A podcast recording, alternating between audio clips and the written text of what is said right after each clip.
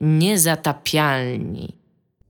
Witamy w podcaście Niezatapialni 299, odcinek Revengeance, ponieważ kilka osób... Y, y, Nikt się nie spodziewał. Kilka osób trollowało mi na grupie, że, nie, że szkoda, że się y, Niezatapialni 299 skończyli, a ja mówiłem, żebyście mnie nie prowokowali, a wy mnie prowokowaliście dalej, więc wracamy do Niezatapialnych 299, zwłaszcza, że taki fajny tytuł mi się wymyślił i nie chciałem go przegapić, więc tak, Revengeance. E, jest ze mną e, Krystyna Janda, polskiego game devu, Iga Ewa Smoleńska, która reprezentuje własne opinie. Jest ze mną również Kuba Wojewódzki, polskiego podcastingu, czyli Dominik Gąska i jestem również Cześć. ja, czyli y, tak, czyli ja po prostu. Taki tutaj mały, wow, mały ty Toady. nie masz swojego alter ego po prostu innego, tak. innej branży. Czyli, y, no nie wiem, no mogę być, no mówię, no mogę być y, Toadiem dziennikarstwa growego.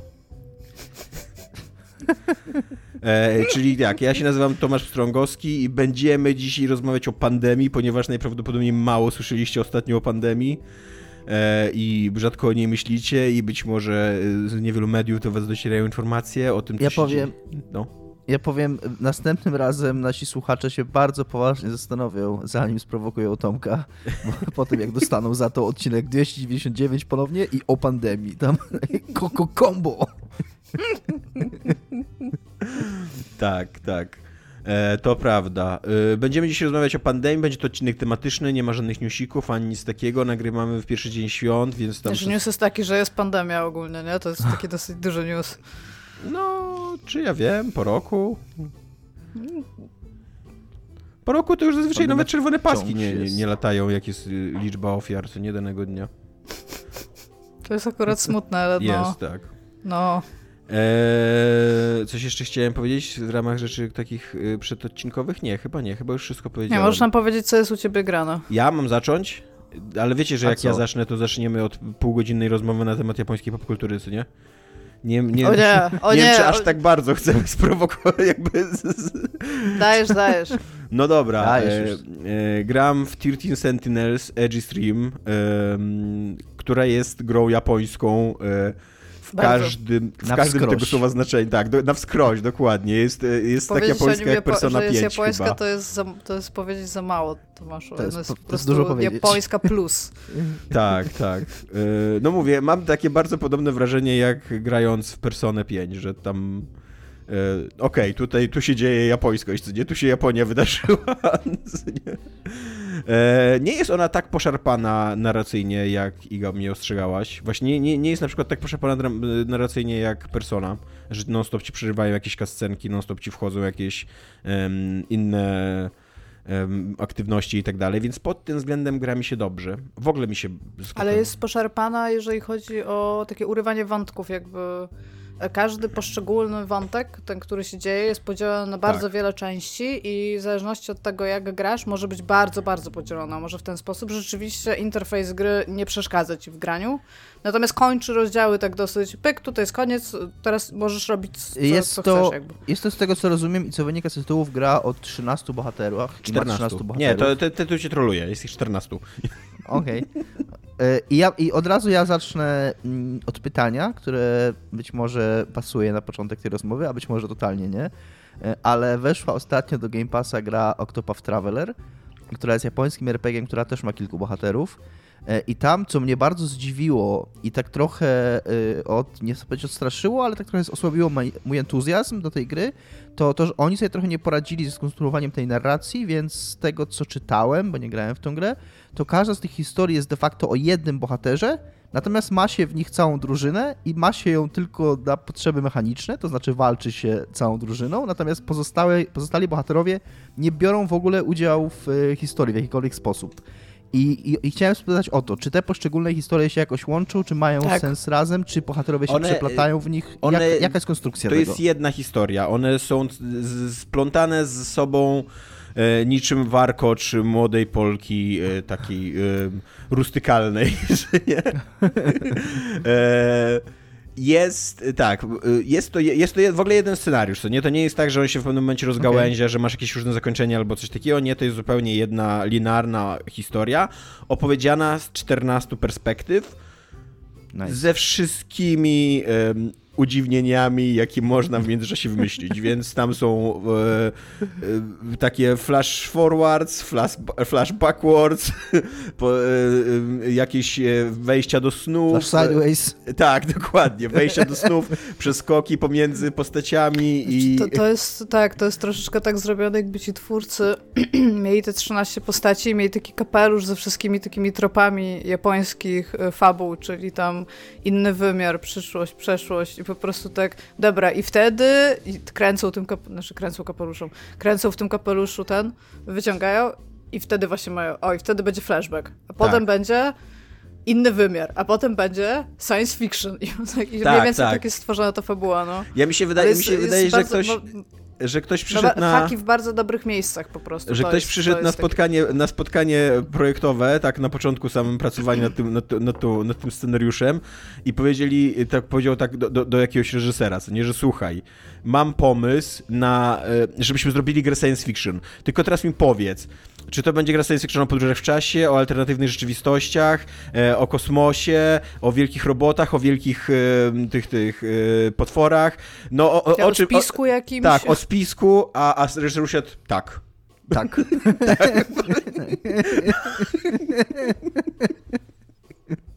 I, I tam jest wszystko jest tej historii. Ona ma dosyć ciekawy, na pewno niepowtarzalny dosyć pomysł na swoją gameplayowość, bo w tej, w tej części fabularnej ona jest bardzo ograniczona gameplayowo. Tam prawie nic, gracz prawie nic nie robi, poza klikaniem w kolejne dialogi i tam wybieraniem sobie z chmury myśli, którą myśl dalej teraz sobie przywołać, co nie? E, a tak to jest praktycznie oglądanie anime tylko. Tylko, że jakby te, ten scenariusz jest tak poszatkowany i właśnie tak podzielony na te poszczególne perspektywy, że jakby cały gameplay w tej kwestii fabularnej polega na tym, że ty próbujesz rozszyfrować o co chodzi, w tej, uporządkować sobie wydarzenia chronologicznie, e, wątki, e, światy równoległe, sektory, miejsca w czasie i tak dalej, co nie? To, co natomiast mnie bardzo mm, tak intryguje, i w tej części, o której mówisz, to ja nie do końca sobie z tego zdawałem sprawę, dopóki obejrzałem, nie obejrzałem paru filmików i tą grę zrobiło studio Vanillaware, tak. które zrobiło wcześniej taką grę Odin Sphere, o którą ja tylko widziałem na screenach, filmikach i ona mnie zawsze strasznie intrygowała ze względu na taką bardzo przykuwającą wzrok ręcznie rysowaną oprawę 2D. I z tego co rozumiem i widzę tutaj też w tej sekcji fabularnej to jest takie 2D. Jest ładna. Tak. I, I to wygląda fenomenalnie, jak na to się patrzy. To jest pierwsza rzecz, którą wam powiedziałam i zanim powiedziałam o czym jest ta gra, to to, że ta gra jest po prostu przecudna, jest śliczna. Jest tła, e, to jak pada słońce w tych tłach, te efekty w ogóle, te animacje tych postaci, Ale... to, że one jak trzymają coś, to to jest konkretnie coś, co trzymają, czyli jeżeli to jest jakieś jedzenie, to oni mają jedzenie, jeżeli to jest kaseta, to oni mają kasetę, to jest po prostu cudne.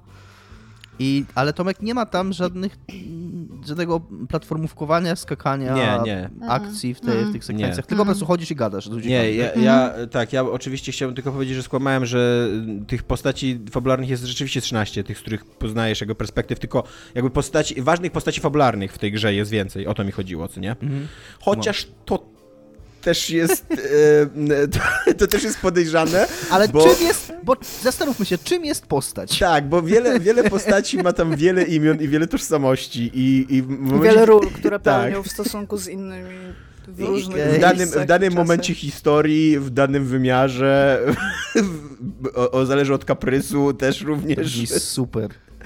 E, tak.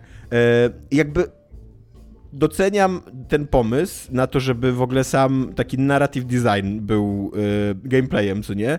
Aczkolwiek nie wiem, Iga, jak ty, ale ja na, na przykład y, jestem tak mniej więcej 80% gry mam przy... I, I nadal nie wiem, czy ten wysiłek intelektualny, jaki ja wkładam w tą grę, czy on się opłaca de facto, bo ta, ta fabuła jest tak, tak stereotypowa i tak, znaczy tak y, i tak zagmatwana jakby tylko po to, żeby cię strollować, tylko po to, że tak, tylko w imię zagmatwania, co nie?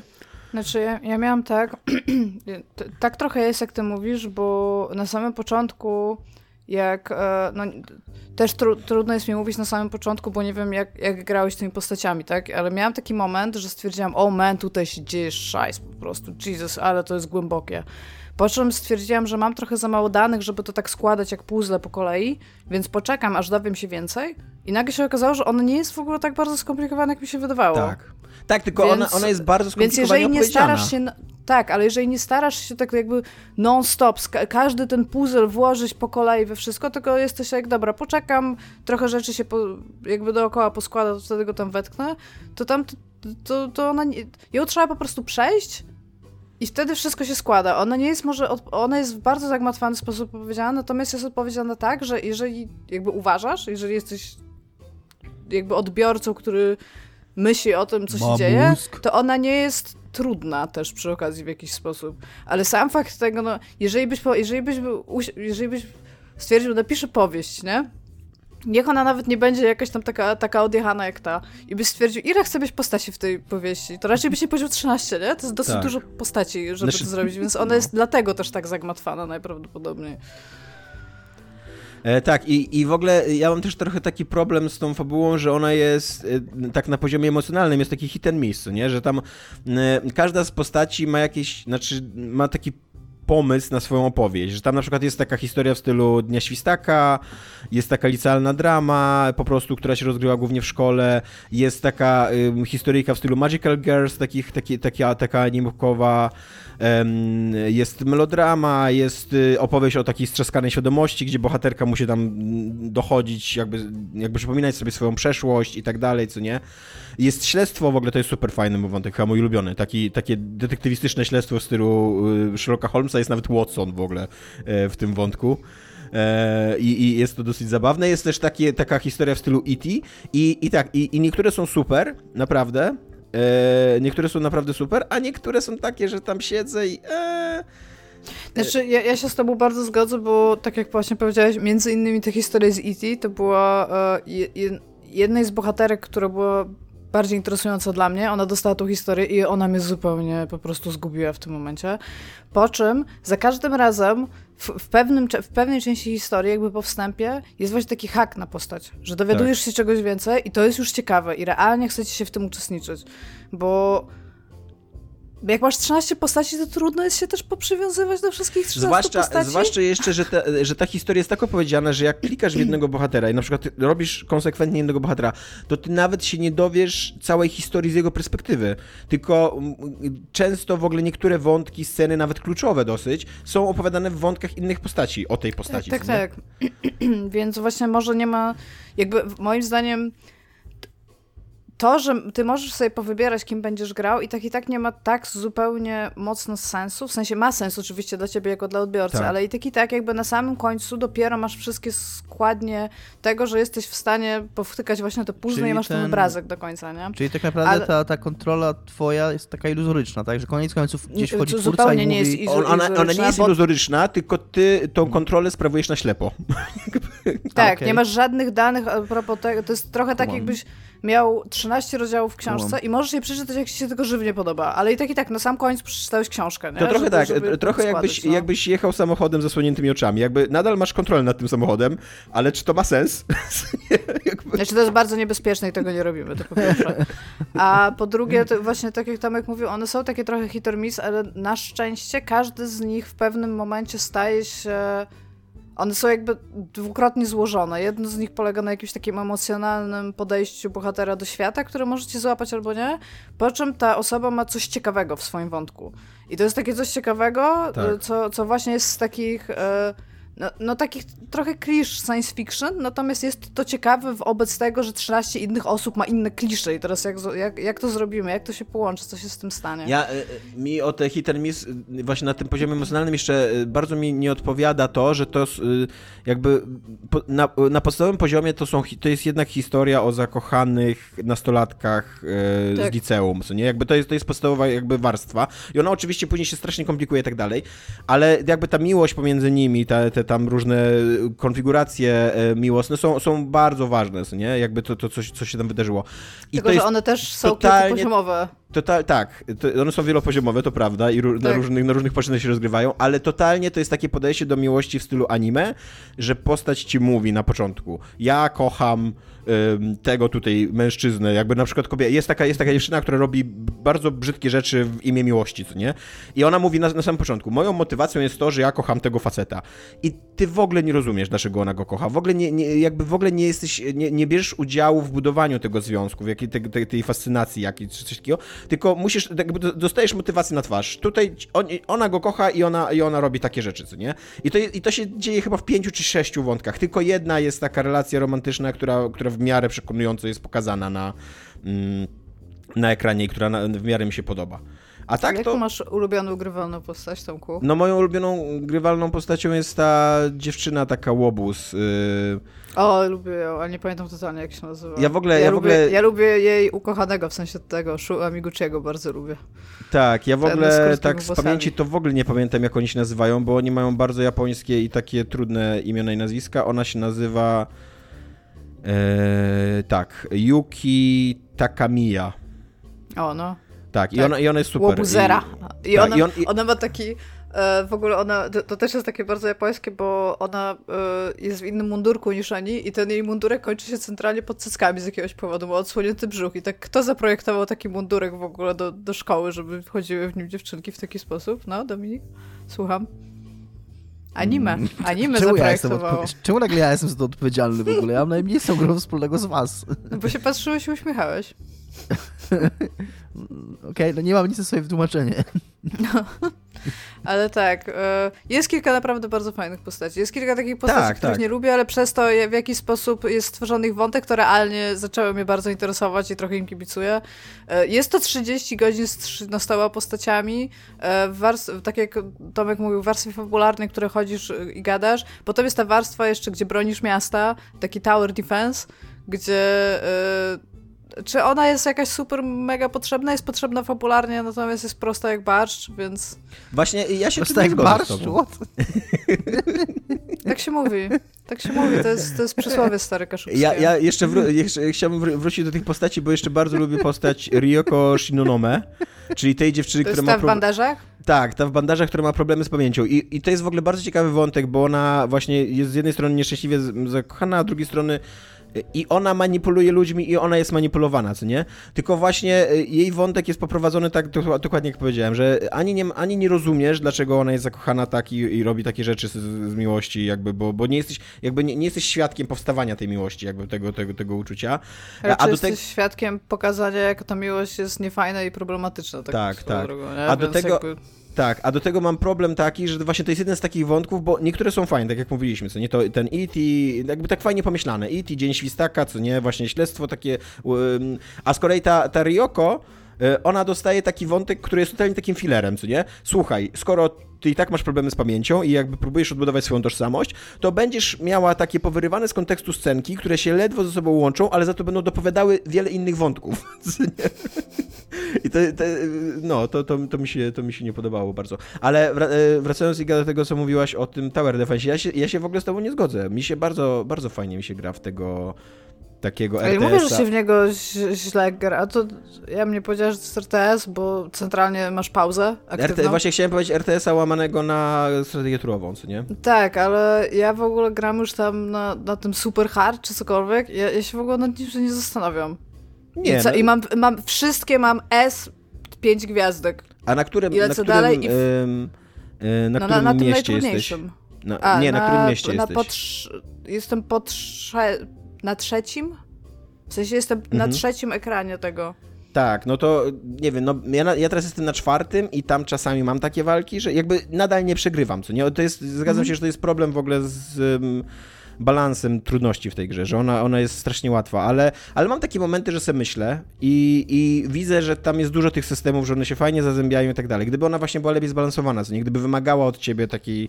Ja nawet nie patrzę na te systemy, ja już mam po prostu taki... y, mam, mam już w pamięci mięśniowe, co ja muszę robić. jakby, żeby wygrać każdą tą i, i po prostu to jest, to jest najszybciej za każdym razem. Więc, więc tak lecę i tak, jak, jakby ja ją lubię, bo on, jest, on mi się podoba wizualnie. Tam jest jeden taki atak, który mają te czwartej generacji, e, co robią taki, taki rozpierdziel, że, że wszędzie są numerki i wszędzie tak. coś wybucha. I tak to lubię oglądać. To jest po prostu, to jest taki eye candy. Fajnie się to ogląda, jak wszystko wybucha i jak wszędzie wszystko lata. I, I lubię to robić, ale tak poza tym to ja się w ogóle nie muszę starać, nie? Więc dla mnie każdy z tych e, walk, to ja bym chciała ją robić na przyspieszeniu razy 500 A... i takie makro, że róbcie po kolei to i wtedy wygramy. A wykonujesz te zadania poboczne, które są tam... Wszystkie. Aha. No to nie wiem, no być może jesteś dużo lepsza ode mnie w tą, tą grę, bo ja mm, mam takie momenty, tak jak mówię, nie, że boję się, że przegram, ale że się zastanawiam, co zrobić, że kombinuję trochę, co nie? Właśnie, żeby... Mi się wydaje, że może ty troszeczkę więcej szacunku dajesz y, temu jako, jako wielbiciel strategii turowych, a ja to po prostu robię tak, wiesz, młotek w blachę, że, że tam szybciej. I może o to chodzi, że zbyt dużo... Ja, ja, ja zupełnie nie gram strategicznie i taktycznie. Iga, Iga trójbotek w blachę, Tomek jest prosty jak barsz, czego nie rozumiesz. ale, e, ale tak, na, nawet, nawet zakładając, że nawet zakładając, że na przykład y, później ci się pokomplikuje jeszcze trochę, no to mhm. jest to gigantyczny problem tej gry, że ona ma 7, 10, 10 i 1, czyli że 38, 38 walk. Ja jestem teraz mniej więcej na 30 i, I dopiero teraz one zaczynają dla mnie stanowić jakiekolwiek wyzwanie, co nie? A tak, jakby, jak byłem na tym pierwszym, drugim mieście, to miałem tak jak dokładnie tak, jak ty mówisz, co nie? Mm, że tam po prostu szedłeś jak nóż i, i, i tyle, co nie? Jej łatwa jak barsz była? Szedłeś jak nóż, łatwo jak barsz. Młotek w blachę. No. Dzisiejszy odcinek sponsoruje aforyzmy i przysłowia po prostu. I chciałbym, yy, chciałbym jeszcze yy, oddać sprawiedliwość jednej z fajniejszych postaci w, tym, yy, w tej grze e, czyli Okino, nie pamiętam jak on ma na imię, ale jest to, jest to postać transwestyty, y, która, o Jezu, on jest mój ulubiony, dlatego która jest przedstawiona tak, bardzo sympatycznie, bardzo po ludzku, zupełnie y, właśnie nie tak, y, nie w stylu takiego anime, nawet jeżeli, nawet jeżeli są jakieś żarty, to to są żarty jakby postaci, a nie, nie, nie masz wrażenia, że to gra się albo twórcy się Tylko, z, ja śmieją z tej postaci, co nie? coś innego, on, on, on nie jest transwestytą, on robi coś takiego, co się w Japonii, nie pamiętam jak nazywa, ale to takie zabawy y, ubraniem. Crossdressing. W sensie... No tak, no to, to jest no, Ale no właśnie nie, bo transwestycyzm wiąże się z czymś więcej, a u nich to jest gra samą, z, samym takim, jakby to powiedzieć, postrzeganiem kulturowym, ale nie na poziomie płciowości. Bo on no tam dobra. najpierw jest niby jakiś tam przebrany albo coś takiego, no to powiedzmy, że to jest troszeczkę inne, ale to, że on potem w, tym, w taki sposób chodzi, tam jest taka jedna scena, która to pokazuje, że się pytają go ludzie, którzy wiedzą, że on jest chłopakiem jakby, i się go pytają, czemu jest tak ubrany, i on mówi, że i tak i tak nie jest to. Nie, przecież nie, nie, uważa, że jestem supermęski, czy coś takiego. Ale, ale on też w pewnym momencie mówi, że nie wszystko jest takie binarne, jak ci się wydaje. Tak, tak, jak najbardziej. Tylko, więc, że chodzi mi o to, że, że moim zdaniem. płciowości w tym moim zdaniem. Tak, my jako zachodni odbiorcy odbieramy to jak najbardziej jako ty, rodzaj crossdressingu i transwestycyzmu, ale wydaje mi się, że tu jest, że, że, z tym się wiąże taki. Tylko właśnie ja nie pamiętam, jak się nazywa to po japońsku, ale to jest specyficzne podejście do tego, w jaki sposób jest ubrany mężczyzna i kobieta i w jaki sposób mężczyzna ubrany w strój kobiecy jest inaczej postrzegany, aczkolwiek wciąż jak mężczyzna. No, w Puch. każdym razie tak, to jest, to jest fajny, sympatyczny wątek. Tak, on jest najlepszy w ogóle, to jest moja ulubiona postać, jak sobie taka jak on, jak dorosnę. No. E, więc tak, to jest grane u mnie, jest dużo grane. Ja w ogóle też e, po raz kolejny, to co Iga mówiła kiedyś, że How Long to Beat to już nie jest serwis dla nas chyba ponieważ How Long to Beat napisało, że to jest gra na 25-30 godzin, ja gram w nią 35 godzin, a jeszcze mam z jedną piątą przede mną, więc myślę, że totalnie 40-45 godzin wbije. To jest ja możliwe. jest 70. Bo ja tak. jeszcze, jeszcze dłużej, ja w ogóle bardzo wolno gram w gry. No, no dobra, to to jest grane u mnie. Um,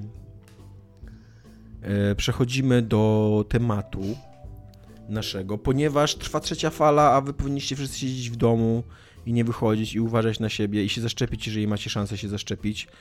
E, to zadam wam na początku takie pytanie, e, po prostu jak sobie, jak się macie, jak się zmieniło wasze życie i e, jak sobie radzicie i czy myślisz, że za 10 lat będziemy pamiętać o tym, co się dzisiaj dzieje?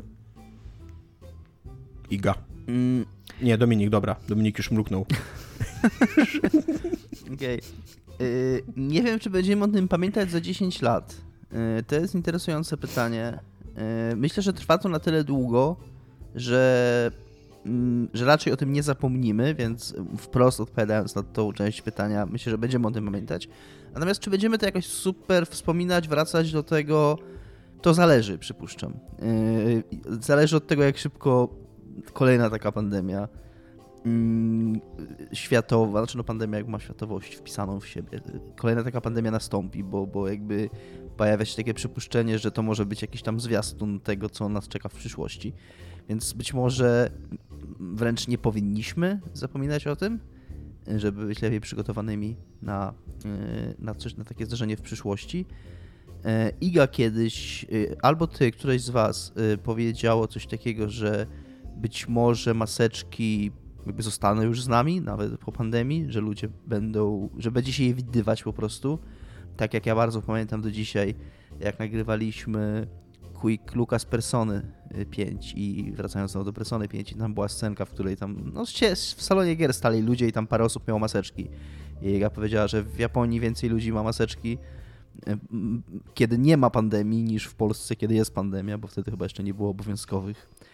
E, więc e, być może u nas też to zacznie być coś, co, mm, co będzie takim no, spotykanym widokiem po prostu, nie będzie nikogo dziwić. No tam, wiecie, dwa, trzy lata temu, jakbyście zobaczyli człowieka z maseczką, to, to byście się na niego dziwnie spojrzeli. E, więc może to się zmieni i, i szczęśliwie e, byłoby chyba dobrze, żebyśmy w tym sensie pamiętali o tej pandemii, żeby po prostu być ostrożniejszymi na przyszłość w ogóle, jeżeli chodzi o zdrowie. A jak się mam... E, Chyba niedobrze. Ogólnie.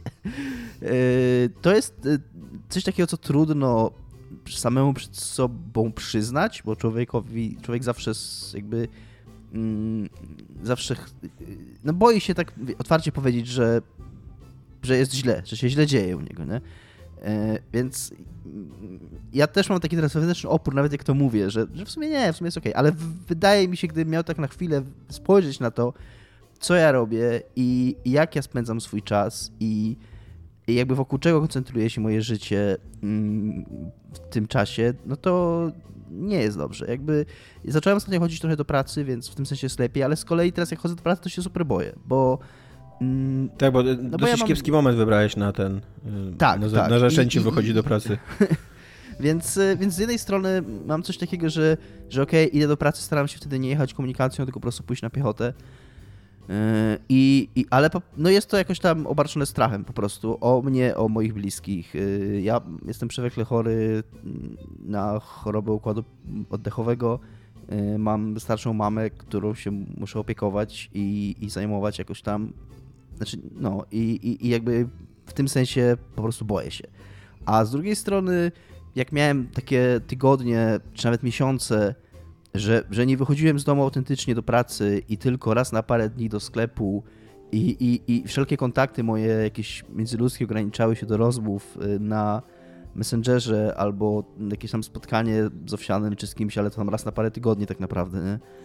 no to wydaje mi się, że to się źle odbija na psychice i wydaje mi się, że yy, no, że, że tak, że, że nie znoszę tego dobrze i że yy, i, i że trochę nie wiem, w ogóle ja to, zastanawiam się dużo nad tym, jak będzie wyglądał świat, kiedy ta pandemia się skończy. Jakby jak ludzie zwariują. Czy będzie, będzie jakieś, najgorzej, będzie jakieś... przez pół roku będzie, kurde, no. najgorzej. Wszyscy czy będą będzie jakieś wszędzie. Takie, czy będzie jakieś takie odbicie właśnie, że ludzie będą po ulicach biegać tam... Podobno tak jest jakieś... w Izraelu teraz, że autentycznie trwa w ogóle fiesta na ulicach, co nie? No. Masakra. I, i, swo i, swoją drogą to też nie jest jakaś perspektywa, na którą się super cieszę, jak, jak o tym hmm. myślę. Nie? Jakby chciałbym znowu pójść, umówić się z wami czy z kimś tam i pójść na piwo do knajpy i posiedzieć wśród ludzi po prostu. Jakby to jest coś, co bym chciał zrobić, ale czy chciałbym uczestniczyć w jakiejś wielkiej, porocznej imprezie? Myślę, że to będzie równie wykańczające i męczące dla mnie, jak, jak jest teraz to siedzenie w domu, koniec końców, więc y, kończąc krótko, mam się źle i, i spodziewam się, że będzie jeszcze gorzej przez jakiś czas. Iga, a jak tam u ciebie? A, znaczy, po, poza faktem, że ostatnio mam epizod depresyjny, ale on nie jest jakby z tym związany, bo patrząc na ostatni rok, to miałam ich mega, mega, mega mało. Tak, tak centralnie, tak jak mówiłam wcześniej, ja sobie, ja sobie bardzo dobrze radzę. Co więcej, wydaje mi się, że jest to jeden z lepszych roków, lat. Jedno z lepszych lat jak, jak powiedzieć. Tomaszu, halo, halo, pogotowie filologiczne. Iga, Ale ty nie powiedziałaś wiem, co coś powiedzieć. barszcz, więc No, że to, mówić, co że chcesz, prosty jak jakby. barsz. No, że ten ostatni rok był jednym z lepszych y, w moim życiu tak No. naprawdę, jeżeli chodzi o takie zdrowie psychiczne, bo pomimo tego, że no mówię, jestem teraz w takim dosyć długim epizodzie depresyjnym, no to kiedyś byłam w takim długim epizodzie depresyjnym, kurde, to 2-3 tygodnie i to nie było dobre, a teraz to się pojawiło no dosyć, dosyć nagle i się aż zdziwiłam. A to jakby u, u mnie jest very okay. Ja nie dość, że zaczęłam więcej ćwiczyć, zaczęłam biegać, e, mam tego psa od roku, a co więcej jeszcze, no zaczęłam się uczyć języków, robię kursy, e, pracuję więcej. Y, przy- Chciałem powiedzieć, że teraz jak słucham tego, co mówi jest u mnie jeszcze gorzej. Tak, tak. Mam nie mówić o tym? Nie no, mów, mów. Okej. No tam jakieś hobby zrobiłam, wróciłam do grania na instrumencie ogólnie. Ja sobie, ja, tylko że ja jestem z bardzo specyficzną osobą. Ja nie lubię sytuacji socjalnych, one mnie stresują. Ja nie mam wyrobionych mechanizmów na większość z nich. Więc ja ogólnie nie super dobrze się czuję w takich sytuacjach. Musi być bardzo specyficzny kontekst, albo muszę zupełnie odrzucić ten kontekst, czyli podejść do tego tak jako taki e, prze, przewrotniś, na zasadzie przychodzę na przykład na imprezę, ale mam tam swój cel i mam, mam totalnie, że tak powiem, wbite w to, co inni robią, żeby, żeby w ogóle w jakikolwiek sposób na nie egzystować. I o ile bardzo mi brakuje takich rzeczy typu podróżowanie, bo zwykle raz w roku gdzieś jednak na, dalej wyjeżdżam, to roz, rozumiem fakt, że jakby to nie jest all about me i muszę trochę posiedzieć w domu w stosunku do tego, żeby inni byli zdrowi. No i też, żebym ja nie była chora. I u mnie jest very okay. Bardzo dużo zaczęłam też czytać i robić innych rzeczy. Jest, jest very okay. Czy będziemy o tym pamiętać za 10 lat? Jeżeli to będzie 10 lat, rok pandemii, to raczej będziemy o tym pamiętać. Nie życzę nam tego, no. Co... Ma, mam taki e, jakby...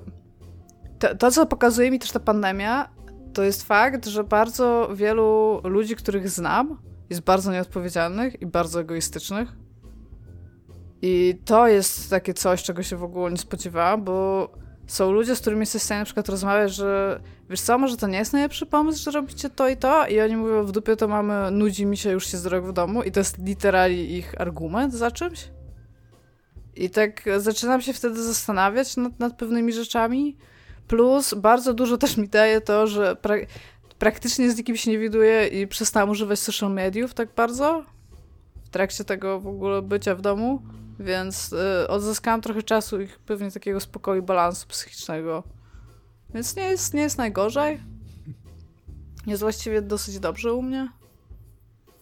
Najgorsze jest dla mnie li literalnie teraz to, jakbyście się mnie zapytali, Iga, co jest teraz najgorsze? Nie mogę kupić karty graficznej i złożyć komputera. To jest, to jest, to jest, to jest literalnie mój najgorszy problem. A to, że teraz sobie jeszcze mieszkam, się przeprowadziłam, przecież mam nowe mieszkanie na samym początku pandemii e, z Tomkiem 2 i właśnie z, z pieskiem sobie tutaj mieszkamy i jest, no, no jest super, jakby Wszyscy, nie mam, nie mam co narzekać. y, mamy nowe mieszkania w czasie pandemii.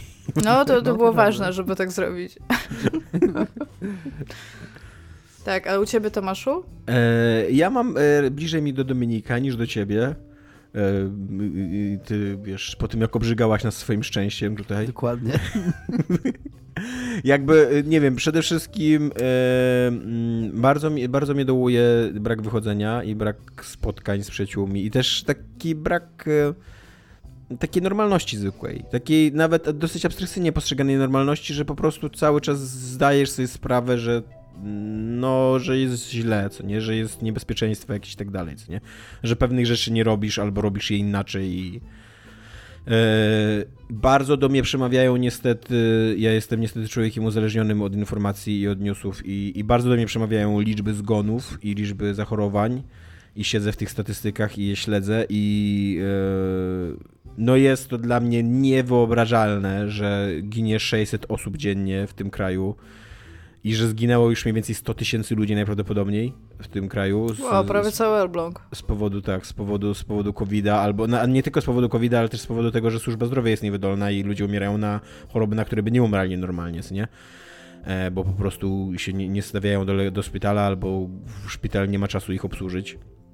Więc to na mnie. I, i, i tak, nigdy, nigdy nie spodziewałem się, że dojdziemy, że ja za mojego życia dojdziemy do takiego momentu, że będziemy mieli takie autentycznie wojenne statystyki śmierci mniej więcej dzień w dzień i ludzie po prostu przyzwyczają się do nich, co nie? Jakby tak... To jest, to, to przyzwyczajenie, to taka znieczulica, to jest straszne, bo ja to, ja to obserwuję dosyć blisko, że tak powiem, mojego podwórka, że rok temu to było Jesus Christ, nigdy, nigdzie nie tak. wychodzimy, zostajemy w domu i w ogóle najlepiej praca zdalna jak najszybciej, bo ja w ogóle rok temu nie chciałam pracować zdalnie.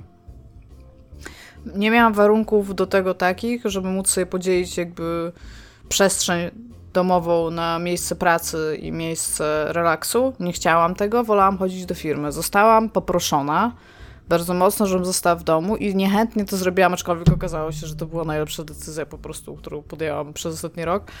E, a teraz to jest raczej na zasadzie już mi się trochę znudziło siedzenie w domu i banie się, więc jakby to już nie jest takie niebezpieczne, a przy okazji to w sumie się na to tak bardzo nie umiera, ale e, wszystkie konsekwencje neurologiczne można olać, bo to jest tylko część ludzi i po prostu to jest o Jezus Maria, Jesus fucking Christ, każdy z was, który tak robi, nie, po prostu błądzicie, błądzicie bardzo mocno. Tak, dokładnie. Jest... Ja, y, ja mam takie zboczenie ja trochę, trochę, ponieważ lubię się krzywdzić. Ja trochę Przepraszam, tylko zanim Tomek, y, bo ja chciałem przerwać Idzę i, i, i jakby u y, jak to powiedzieć, y, wyjaśnić jedną rzecz, wyklarować, bo w tej swojej powieści bardzo tak, tak jakoś płynnie przeszłaś od tego, co ty robisz, do tego, co ludzie robią, którzy nie są tobą. Ja rozumiem, że to jakby mówiłaś o innych, nie o sobie, tak? Mówiąc o tym, że, że ja to się, się ja, ja literalnie mam tak jak Tomek. Ja nie śledzę tych rzeczy, ale jak ja widzę jaka jest ilość zachorowań. Jeżeli ja sobie raz na jakiś czas przeczytam e, badania na temat e, jakby długich skutków zachorowania i tego, w jaki sposób możecie zniszczyć układ neurologiczny, to to to jest mniej więcej takie myślenie, taka sytuacja analogiczna. Jak masz świnkę, to świnka nie jest groźna dla życia. I może być, kiedyś była bardzo groźna dla życia, ludzie umierali, nie? Ale z drugiej strony może zachorować na świnkę i być sparaliżowany i bezpłodny. I jakby to jest re realne jakby rzecz, która może ci się stać, jeżeli zachorujesz na świnkę, nie? I, ale to się zdarza rzadziej niż w 60%, więc to już nie jest ważny argument, więc mogę być iść chory na świnkę. I to jest po prostu dla mnie takie. Tam serio? Tam dzieci dziewięcioletnie chorują teraz na koronę i umierają po prostu z dnia na dzień. Pomimo tego, że były zdrowe i nagle są martwe, jakby, nie? Więc y, to, to nie jest tak, że statystyka ci tutaj pomaga, jest twoim przyjacielem w jakikolwiek sposób. No, przepraszam. E, ja chciałem powiedzieć tak, że ja e, lubię porównywać liczby i e, i na przykład jesteśmy, nie wiem czy zdajecie sobie sprawę, ale w skali światowej jesteśmy na poziomie połowy Holokaustu, jeżeli chodzi o, o liczbę ofiar, co nie? E, bo 3 miliony ofiar, 3 miliony ludzi mniej więcej umarło. A w, statystyce takiej, takiej polskiej jesteśmy więcej na poziomie trzech katyni, które się w ciągu roku nam wydarzyły. I katyn, i e, jakby e, jest zdumiewające jest to, jak mało statystycznie potrafimy myśleć, tak właśnie na co dzień, jak mało jesteśmy w stanie ogarnąć skalę tego, co się dzieje. Przynajmniej tak mi się wydaje, tak z takiego mm, odbioru tego właśnie, jak społeczeństwo reaguje, o tym, co mówi Iga, nie? I, i no, i, i ja o tym dużo myślę i to mnie dołuje. I, i tak. Więc y, też jest u mnie tak sobie. nie, wiem, nie wiem, czy o to mi chodziło w tym odcinku, żeby, żebyśmy w tym kierunku poszli. więc, więc może szybko przejdziemy do następnego pytania. E, jak się zmienił wasz stosunek e, z popkulturą? Jakby, czy szukacie teraz innych fabuł, na przykład bardziej pociesznych, czy z kolei macie taki e, mechanizm, że skoro jest źle, to wolicie też obejrzeć jakiś smutny film i, i się podołować jeszcze? Iga, teraz może ty zacznij? Ja mam ja przez to, że mam tyle więcej czasu yy, i przez to, że mamy teraz ten jakby, nie wiem, wolny dostęp do audiobooków na przykład, yy, którego wcześniej nie miałam i że usiadłam i się przestałam bać tych książek, które tak długo były na moim półce, dlatego tylko i wyłącznie, że miały więcej stron niż przeciętna książka, którą zwykle czytam, to ja zaczęłam, ja, ja teraz na pewno bardzo różnorodne treści pochłaniam. Nie mam czegoś takiego, że szukam tematycznie, tylko raczej e, znalazłam czas na rzeczy, które zwykle odkładam i siedzę i jakby zam zamykam niektóre rozdziały otwarte bardzo dawno temu w moim popkulturowym życiu, czyli kończę książki, które, których przeczytałam na przykład do 60 stron albo do 30. E, oglądam teraz, ostatnio oglądam filmy superbohaterskie, co mi się nigdy nie zdarza. Myślę, że możecie to wszystkim potwierdzić, że raczej tego nie robię. E, też zaczęłam oglądać na przykład Gojirę, stare filmy zaczęłam oglądać z Gojirą, bo tam czemu nie. Zaczęłam sobie właśnie e, czy, czytać rzeczy z wykładów, na których byłam, w sensie takie dodatkowe czytadła. No i zaczęłam też grać po prostu w gry, które też leżały na zasadzie kiedyś mnie pogram, jak będę mieć czas. To ja po prostu teraz stwierdziłam, jeżeli kiedyś będę mieć czas, to teraz mam na to czas, więc siadam i gram. Więc czy nie mam czegoś grasz? takiego. Na przykład strasznie dużo teraz gram w Two Point Hospital, o czym mówiłam. I tam dosłownie jestem w stanie grać do pierwszej rano. Wczoraj skończyłam od północy jeden szpital na trzy gwiazdki, byłam jak jest, jestem wolna, idę spać. I jeśli nie mi się, że mój szpital bankrutuje na przykład, to, to, to jest już a thing w mojej głowie. Ale też e, znajduję sobie Ja- na przykład czas na to, żeby rano wstać i sobie myślę, a przejdę sobie jako jakiegoś walking sima, albo o, odpalę sobie tą visual novelkę, którą tak dawno miałam. E, Dominik, chciałeś coś powiedzieć? Chciałem powiedzieć, że mm, jak wam mówiłem przed nagraniem, że przez to, że się położyłem, że wstałem bardzo wcześnie, położyłem się, ja tam dosyp, dosypiałem parę godzin, to jestem taki trochę niewypoczęty, to mi się teraz przypomniało, że mi się śniło, tak tuż przed y, tą dziesiątą, jak wstałem, że byłem dziś z Szymonem Adamusem i Szymon Adamus mi krzyczał, że musimy jechać na odcinek, a ja mówiłem już, że jest późno i musimy wziąć Ubera, bo Tomek będzie bardzo zły, jak się spóźnimy. Więc już nawet kurwa mam, już mam ten alarm w ogóle w głowie, że, że odcinek zaraz i trzeba się spieszyć. I No, jak tam, jak tam od- zamówiłeś Ubera, żeby dojechać ze swojej sypialni No, do, czy- pod mikrofon? E, więc jakby odpowiadając na pytanie, nie mam czegoś takiego, że szukam e, teraz fabuł jakiś mocno, ale pamiętam, że na samym początku pandemii, w, zeszły, tam, w zeszłą wiosnę, na przykład e, czytałam książki o zarazie, w sensie o, o między innymi o czarnej ospie we Wrocławiu. Realnie mnie interesowało nie dość, że, że we Wrocławiu to było, to w jaki sposób jakby było zorganizowane wszystko co dookoła tego. Czytałam też ogólnie o pandemiach i historii pandemii i y, niestety ludzie od zawsze mają tak, że w pewnym momencie, kurde, stwierdzają, dobra, to już jest za długo, nie chcę mi siedzieć w domu, pomimo tego, że trzy lata wcześniej wyrzucili swoje dzieci y, na ulicę, bo myśleli, że są zakażeni. Jest na, naprawdę nie jesteśmy mądrym stadem jakby jako ludzkość. Więc y, miałam taki moment, teraz po prostu stwierdziłam, mam czas, robię to, co sobie zawsze odkładałam. Dominik, jak jesteś, sięgasz y, teraz fabuły?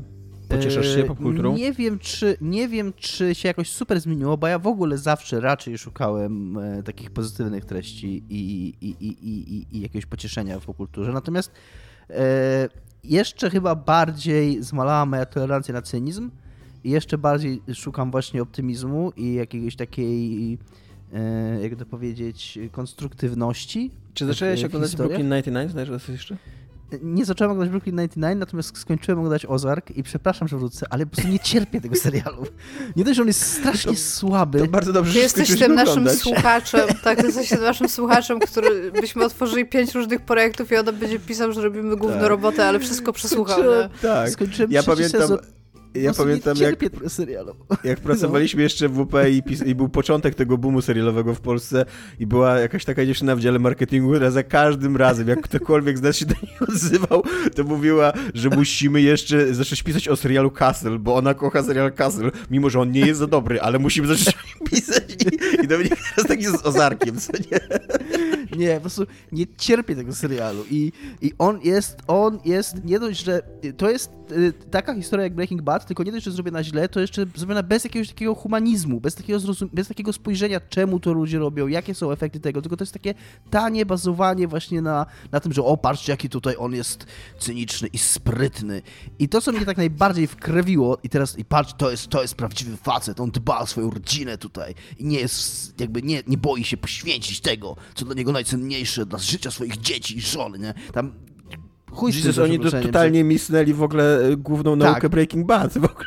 że- No tak, na maksa, na maksa w ogóle ten i to i, i, i teraz pod koniec tego trzeciego sezonu jakby taka iskierka humanizmu się pojawiła w postaci brata głównej bohaterki, który jest tam przedstawiony jako borderline, że ma, mm, no że jest chory psychicznie i tam ma takie, on przestaje brać leki, leki w pewnym momencie i mu odpala i i ma takie borderline'owe wybuchy faktycznie, że tam zaczyna płakać, tam jakieś napady agresji ma, takie rzeczy. Ja się nie znam na tym, no ale tam jakoś tak to jest przedstawione. I, i okej, jakby jest to mm, być może jak na to patrzysz w kontekście serialu, to, to jakoś tam to wrzuca piasek w szprychy głównym bohaterom, ale jednocześnie ona zajebistą rację we wszystkim, co mówi. On im mówi totalnie prawdę, że to jest pojebane, co oni robią, że powinni sam do tego rzucić to i sam uciec, że to jest nienormalne, co oni robią. I ten serial traktuje Co oni go, robią, Dominik, co oni robią? Oni biorą pieniądze dla kartelu, nie, biorą no, pieniądze okay. dla kartelu, dla, ale dla kartelu, który handluje narkotykami, czyli tam de facto jest to tak naprawdę to samo, nie? E, I on jest przez ten serial tak okrutnie potraktowany i tak e, jakby, tak widać, jak bardzo twórcy są, właśnie ja tego nie cierpię, jak, jak czuć, że sami twórcy są cyniczni, że, że, nie, że nie chodzi o to, że bohaterowie są cyniczni, bo jasne, jakby są historie o cynicznych bohaterach, ale, e, ale je można opowiedzieć w sposób, który nie jest cyniczny, który jest jakoś konstruktywny, a to totalnie takie nie jest. To jest takie po prostu kurna paskudne, takie aż tak, aż po prostu, aż, aż tak się wkurwiłem wczoraj, przepraszam, wow. na, na, na, ten serial, że... No, Dominik, czego szukasz w popkulturze podczas pandemii wkurwienia? Nie cierpię tego serialu, nie cierpię ludzi, którzy go robią, nie cierpię ludzi, którzy go oglądają i nie cierpię ludzi, którzy go lubią, po prostu to jest najgorsze gówno, jakie, jakie przyniosła Co się tak wczoraj wnerwiło? Podsum podsumuję, tak, podsumuję, podsumuję wypowiedź Dominika. Dominik, Dominikowi jest bardzo źle ostatnio i, i ogląda rzeczy, które go jeszcze, jeszcze bardziej dołują i wkurwiają. Nie mam pojęcia, czemu ja oglądałem ten serial do końca. On mi się od pierwszego odcinka nie podobał. Dobra, ale co, czemu tak się wczoraj wnerwiłeś? Jakiś finał był tego taki, że po No taki fin, finał, finał całego takiego właśnie, że mi strasznie brakowało jakiegoś takiego humanizmu, właśnie jakiejś takiej ludzkiej, jakiejś takiej iskierki czegoś e, takiego zrozumiałego, mm, co nie jest tylko sztuczką fabularną, tylko jakiejś takiej emocji prawdziwej. I właśnie wprowadzili tą postać i, i potraktowali ją no, fatalnie, moim zdaniem. To i, i, jasne, że to jest tak, trochę takie dziecinne z mojej strony, że jakby wkurzam się na jakiś zabieg fabularny tak naprawdę koniec końców, ale uważam, że to, uważam, że on coś mówi o intencjach twórców tego serialu, a intencje tych twórców są takie, że oni są destrukcyjni, że oni nie chcą, że oni niech właśnie z Breaking Bad przy tym wszystkim e, co mm, jakby co było złe i mm, ten to oni na przykład tam super rozumiałeś na każdym kroku motywację. Tak by to była cała sztuczka Breaking Bad i tak mówili twórcy tego serialu, że oni chcieli zobaczyć, jak długo widz będzie sympatyzował. Jakby, tak. do, jak daleko może się posunąć główny bohater, żeby widz ciągle z nim sympatyzował. I okazało się, że bardzo daleko. A, a dlaczego? Dlatego, że się go rozumiało, że wiedziałeś, czego on robi. A ja tutaj totalnie nie rozumiem, czemu oni to robią. Oni to robią tylko po to, bo twórcy tak wymyślili, żeby pokazać, jacy ludzie potrafią być paskudni i po prostu, kurna, mnie to tak wkurzasz. I więc tego nie szukam. Nie wiem, czemu to oglądam, ale wydaje mi się, że właśnie moja, że ja nigdy nie lubiłem takich historii, a przez to jakby w pandemii moja tolerancja e, jeszcze bardziej zmalała na takie opowieści. Uf, przepraszam za te emocje. E, no, a moja odpowiedź e, będzie taka, że i wydaje mi się, że mam dużo większą tolerancję dla takich fabuł nawet trochę szantażujących emocjonalnie, albo nie do, nie, do, nie, do, nie do końca idealnych, że się tak wyrażę, ale takich, które wciągają mnie w swój świat. Jakby jak będę kiedyś Czy pamiętał za 10 więcej filmów i książek o chorych dzieciach y, śmiertelnie nie, nie, nie, nie, nie, nie. ale na przykład jak będę za 10 lat wspominał um, tą pandemię, jeżeli będę jeszcze o niej pamiętał, to na pewno będę pamiętał o Better Call Saul, właśnie za to, że wciąga totalnie tak wciąga cię po prostu w swój świat, że zapominasz w ogóle o wszystkim dookoła, nie? Tak samo wydaje mi się, że cyberpunkowi i E, tak, tak. Iga tutaj napisała notatkę, że jest to eskapizm. tak. Ja do Dominika. e, wydaje mi się, że Cyberpunkowi i The Last of Us 2 dużo więcej wybaczyłem i dużo lepiej je wspominam niż, niż one zasługują na to, ale też dzięki temu, dzięki takim, dzięki takim po prostu wartościom produkcyjnym, że to były takie gry, której przez tydzień czy dwa tygodnie grałem non-stop i totalnie żyłem w ich świecie i totalnie byłem wciągnięty jakby i, i nie pamiętałem o tym, co się dzieje dookoła, co nie? Tak, Iga?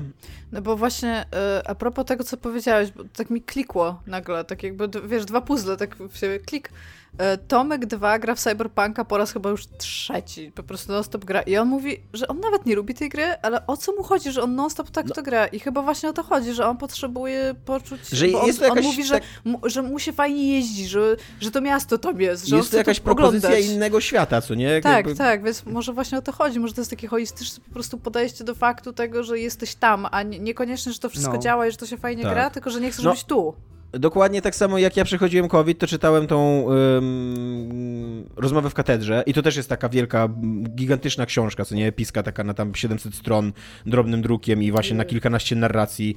E, I też totalnie jakby, jakby dała mi taki moment... Y, y, nawet nie chcę powiedzieć jakiejś ucieczki, bo to nie jest, to nie jest taki świat, do którego chcesz uciekać. To są tam lata 50., dyktatura, y, no ciężkie tematy, ale jakby no mogłem się znajdować gdzie indziej, co nie? No tak, nie byłeś tu właśnie. Tak. Yy, ale z drugiej strony też to, co w sobie na przykład zauważam, to, że yy, z powodu tego, że, mamy teraz, że mam teraz mnóstwo czasu i że siedzę cały czas w domu i że de facto nie za bardzo mam nic innego do roboty poza pracą, yy, to, ta, to ten mój kontakt z popkulturą to jest taki, taki wypełniacz, taka wata. I ja przez to się strasznie uodparniam na, jakby coraz mniejszą czerpię radość. Nie wiem, czy też tak macie. Że coraz, coraz częściej to jest po prostu takie mm, taka obojętność, takie no po prostu coś musi lecieć, bo muszę spędzić kolejne godziny, co nie, jakby jakoś stracić ten czas.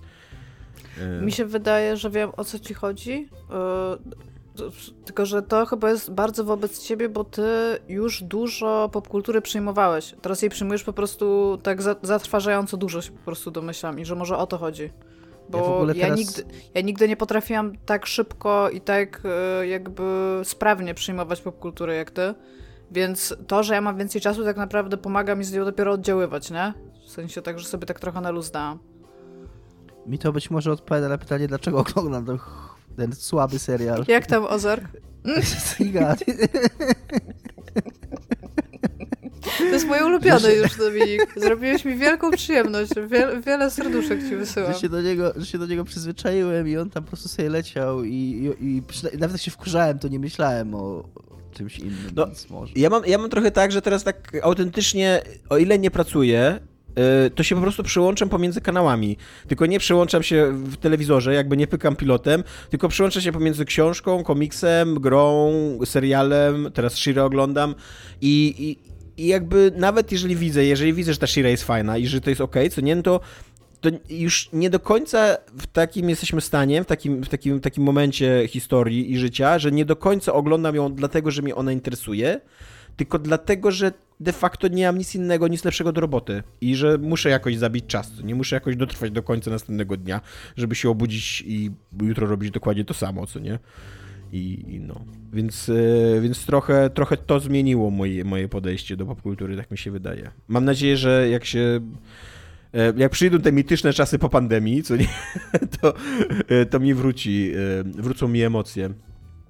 No, ale Dominik, co jest grane u ciebie? Bo wiem, że coś fajnego ale, jest u ciebie grane. Tak, coś fajnego jest u mnie grane, ale ja tak sobie zorientowałem się, że Iga chyba jeszcze nie odpowiedziała na to pytanie, bo ty oddałeś głos jej, a ja się wtedy wciąłem. Iga, prawda? Nie, Iga mówiła. Mi się wydaje, że jak najbardziej Dobra, to jak tak. Iga mówiła, to ja teraz opowiem, co widziałem. Ale może posłuchać o Ozarku. Nie, nie. E, co widziałem z kolei, co jest jakby na drugim biegunie e, tego, co Ozark, jest to film z Netflixa, który nazywa się Eurovision Song Contest Historia zespołu Fire Saga. I to jest film, który polecił mi Michał Owsianko. Ja bym w życiu tego filmu nie włączył. Ja pamiętam, że on mi kiedyś migał tam na Netflixie. To jest film z czerwca zeszłego roku. On w czerwcu zeszłego roku wszedł na Netflixa. Z tego, co czytałem, on miał wejść do kin e, w tym samym czasie, co, w którym się miał odbywać konkurs piosenki Eurowizji ale że Eurowizja została odwołana w zeszłym roku z powodu pandemii, to i premierę tego filmu przesunięto i wyszedł on po prostu od razu na Netflixie. I, i mówię, Owsiany mi go polecił, że tam się dobrze bawili z, z, z jego dziewczyną, jak go oglądali. I ja ten film obejrzałem wczoraj i nie spodziewałem się po nim jakby sam wszystkim do Owsianego.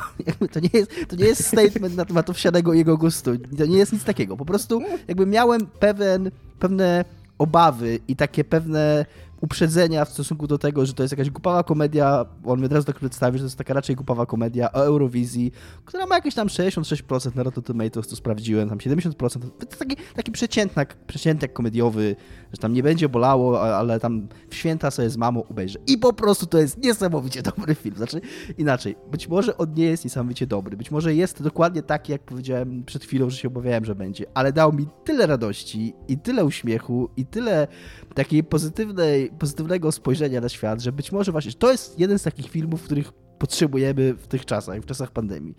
Mm, jakiś czas temu, ja nie mówiłem o tym, Tomek polecał mi film po Palm, Palm Springs, polecał mi film pod tytułem Popstar Never Stop, Never Stopping Tak. o takim fikcyjnym zespole i to jest ta sama formuła, ten, ten Eurovision.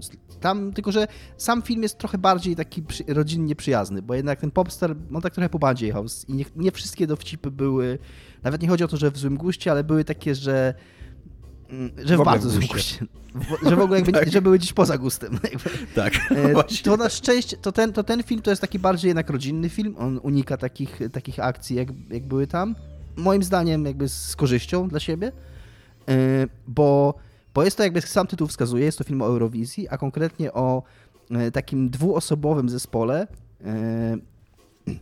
E, Tam jest facet i babka, faceta gra Will Farrell, facet nazywa się e, teraz już jak wszedłem w to, że muszę powiedzieć jak się nazywa, no nieważne, Will Farrell i Rachel McAdams grają w każdym razie dwójkę e, dorosłych ludzi, takich po, po 40, mniej więcej w takim wieku, w jakim oni są, tam on miał pa- 50 lat, ona jakieś 50 parę, 40 parę, czyli dorosłych ludzi, którzy ma, ciągle mają takie dziecięce marzenie wystąpienia na konkursie piosenki Eurowizji. I i oni z Jak wielu z małego- nas, prawda? z jakiegoś takiego w ogóle małego miasteczka na Islandii. Ten główny bohater ma to marzenie od kiedy zobaczył Abbę, mając tam parę lat y, w telewizji. I on tam ten. Jest to, jest to tak y, jakby. To jest film, któremu udaje się taka trudna, moim zdaniem, bardzo często sztuka, żeby jednocześnie się z czegoś śmiać. Że tam, o, jacyś śmieszni ludzie z Islandii, z jakiegoś małego miasteczka, z jakiejś tam wiochy się podniecają Eurowizją. I cała ta Eurowizja też jest tak, wiecie, wyśmiana, a jednocześnie z takim mega sercem i z takim mega takim, takim uczuciem i taką, taką sympatią do tego wszystkiego, że to są wszystko dziwacy i to jest wszystko takie trochę przegięte i over the top i te teksty piosenek są głupie i te piosenki są głupie, a jednocześnie... Właśnie, czy to jest film muzyczny, czy to jest musical? To jest, to jest bardzo musical. Znaczy, znaczy inaczej, to jest, to jest film muzyczny. To znaczy, to jest musical, ale w takim sensie, że piosenki nie są w takim, nie tak jak w Rocketmanie, że nagle mm, jest No numer właśnie, muzyczny. że akcja gdzie- nie dzieje się poprzez śpiewanie, co nie? Akcja nie dzieje się poprzez śpiewanie. Jest bardzo dużo muzyki, ale to są muzyki, to jest film o zespole, więc po prostu albo oni grają No. jakąś piosenkę, albo jest pokazywany jakiś teledysk, albo ktoś inny, więc w tym sensie jest muzyka występuje. Nie, to nie jest taki muzykal klasyczny, że, że nagle numer ta- taneczny jest na środku ulicy i tam coś się dzieje w tym w czasie. To nie, tak to nie. Te piosenki są w ogóle super, które tam są, super śmieszne, jakby, jakby masz takie, odhaczają wszystkie takie motywy eurowizyjne, czyli jest taki zespół jakiś taki w ogóle metalowy nagle, jakiś tam rap, jakieś takie y, disco. Jest jakieś takie- super utalentowane dziecko? E, nie, nie ma super utalentowanego dziecka, nie, nie. Nie, to Ale- nie wszystkie. Są super Okej, no utalentowane właśnie- dzieci na Eurowizji? Eurowizja to nie jest Właśnie właśnie nie taki...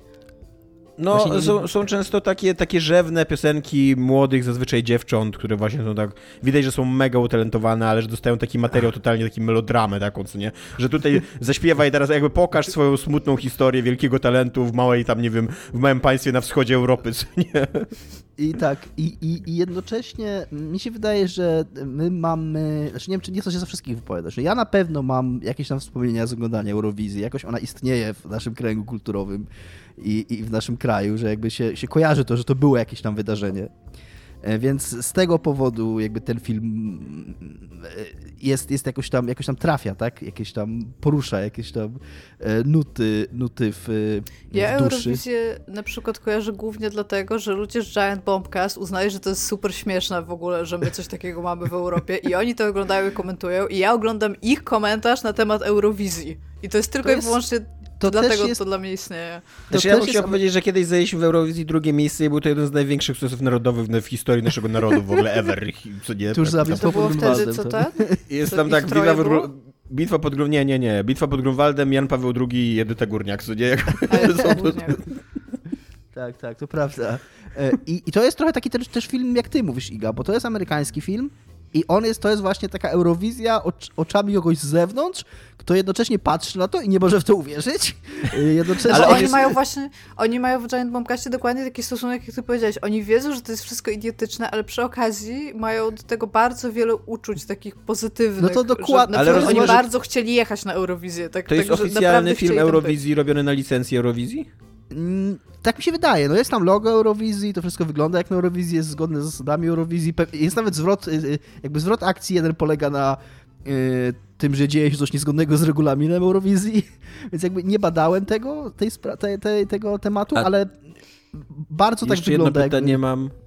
Czy komentują w jakiś sposób to, że w Eurowizji nie występują tylko zespoły z Europy?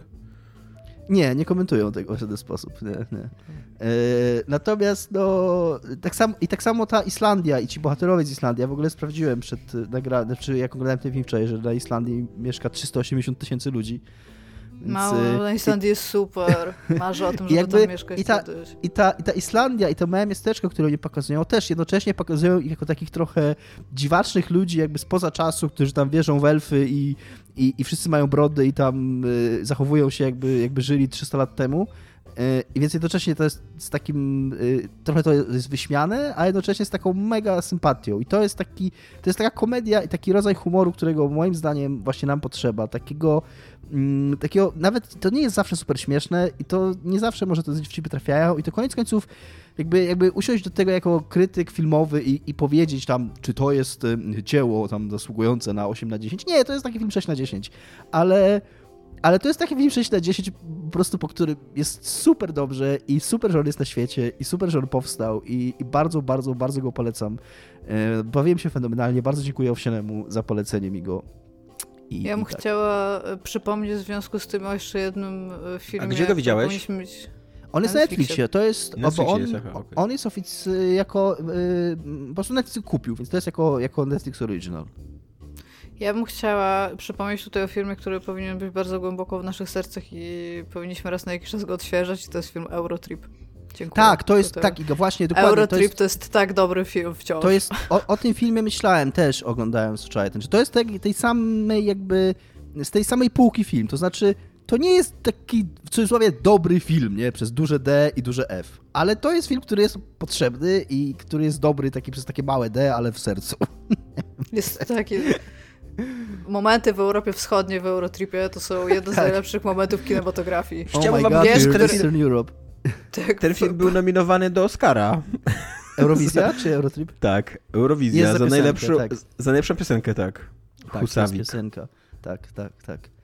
Yy, więc, yy, znaczy jest nominowany, bo jeszcze nie było tych Oscarów, nie? więc A, jeszcze, okay. ma szansę, jeszcze ma szansę wygrać nawet. Będę bardzo kibicował. tak, tak. Mamy się podobał? Mamie się super podobał. To jest właśnie też taki film, który jak szukacie do czegoś do obejrzenia, właśnie to był też idealny film, który idealnie trafił dla mnie e, w taki moment, że właśnie siedzą mamy i tam wypiliśmy po dwa drinki i, i tam są święta, nie? I tam o, włączymy sobie jakiś tam film, żeby był fajny i miły, nie? I to był totalnie taki film właśnie, jakiego było nam potrzeba w tym momencie. Bardzo super. I to jest w ogóle taki passion project Willa Farella, który jest zakochany w Eurowizji. okay, Will Farrell okay. to jest dobry typ jeszcze tak przy okazji. Tak. Wyobrażam sobie, że to musi być dobry człowiek. Jak zaraz wyjdzie, że ma 8 skandali seksualnych, to będzie mi bardzo źle, o może tak. E, no, dobra, to to jest grane u Dominika. E, wracamy do tematów ciężkich i smutnych, i, e, ale może nawet nie do końca. Mamy tutaj takie lżejsze pytanie jedno. Czy istnieje jakaś opowieść apokaliptyczna, postapokaliptyczna albo paraapokaliptyczna, która oddawałaby to, co się dzieje. Jakby zakładając, że żyjemy trochę w apokalipsie, zwłaszcza takiej właśnie apokalipsie chorobowej, które często się pojawiają w popkulturze, to czy znacie taki utwór, który by dobrze oddawał te emocje, które się dzieją, czy nie? Iga? Po, po, pierwsze, to chciałam powiedzieć, że większość. E, szukam jednego odniesienia po prostu, ale tak. Po pierwsze, chciałam powiedzieć, że ci ludzie, którzy e, pierwsze co to patrzą na to, gdzie można nie nosić maseczek na zewnątrz, to są ludzie, którzy jak zostali ugryzieni przez zombiego, to e, nie pokazują, że zostali ugryzieni. To są tak. ci ludzie, to jesteście wy. Jesteście, zobaczcie wszystkie filmy i zobaczcie, to jesteście wy, ten asshole, co nie chce się, jak nie chcecie siedzieć w domu, jak chcielibyście pójść na imprezę i przecież tam wszyscy y, nie wychodzili ostatnio i właściwie to im ufam, więc czemu miałbym się zarazić, a poza tym to ja przecież i tak i tak przeżyję, jak będę chory, to jesteście wy. Osoba, która została ugryziona i nie chce o tym powiedzieć. To jesteście wszyscy wy. Dziękuję.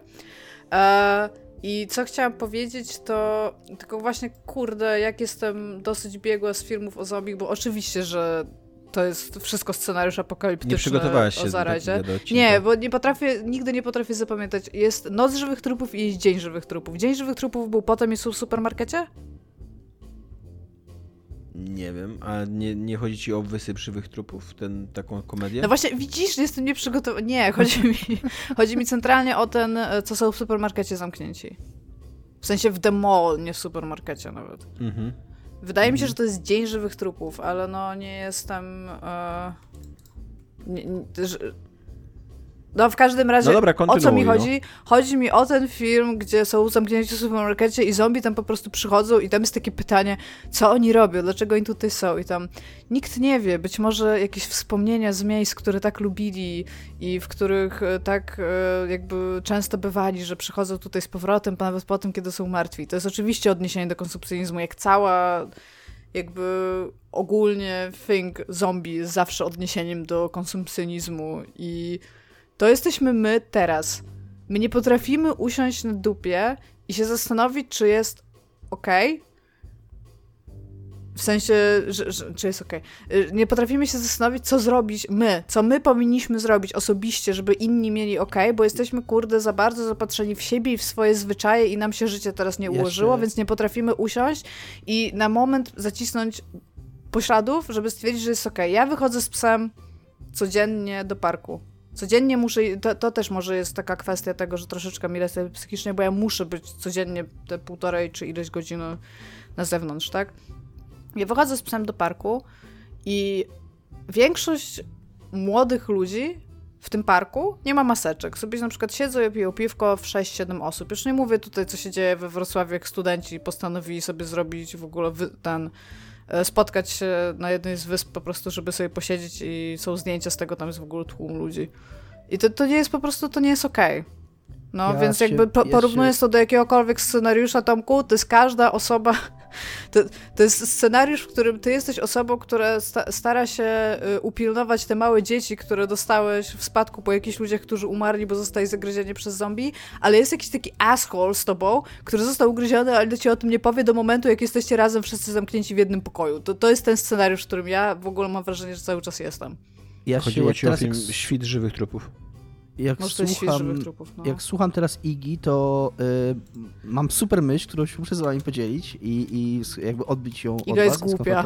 Iga jest głupia, wywalmy ją z podcastu, to jest moja myśl. Y, I jest to również odpowiedź na to pytanie. Uważam, że nie ma dobrych dzieł popkulturalnych o, o pandemii i o naszych czasach, szczególnie gier wideo, ponieważ wszystkie dzieła no okej, okay, powiedzmy skoncentruję się na grach wideo i nie powiem wszystkie. Znakomita większość, żeby zaraz mi ktoś powie, że tam jest. Znakomita większość dzieł o takich czasach, jakiejś zarazy, pandemii, kryzysu, koncentruje, jest bardzo indywidualistyczna. To znaczy koncentruje się o tym, co ja mam zrobić, co jakaś jednostka, i najczęściej to jest takie pytanie, jak daleko posunie się człowiek, żeby przetrwać w świecie zarazy, co jest w stanie zrobić, tam prawdziwe jego zwierzęce instynkty zostaną obnażone. Jakby nikt nie, nie zastanawia się.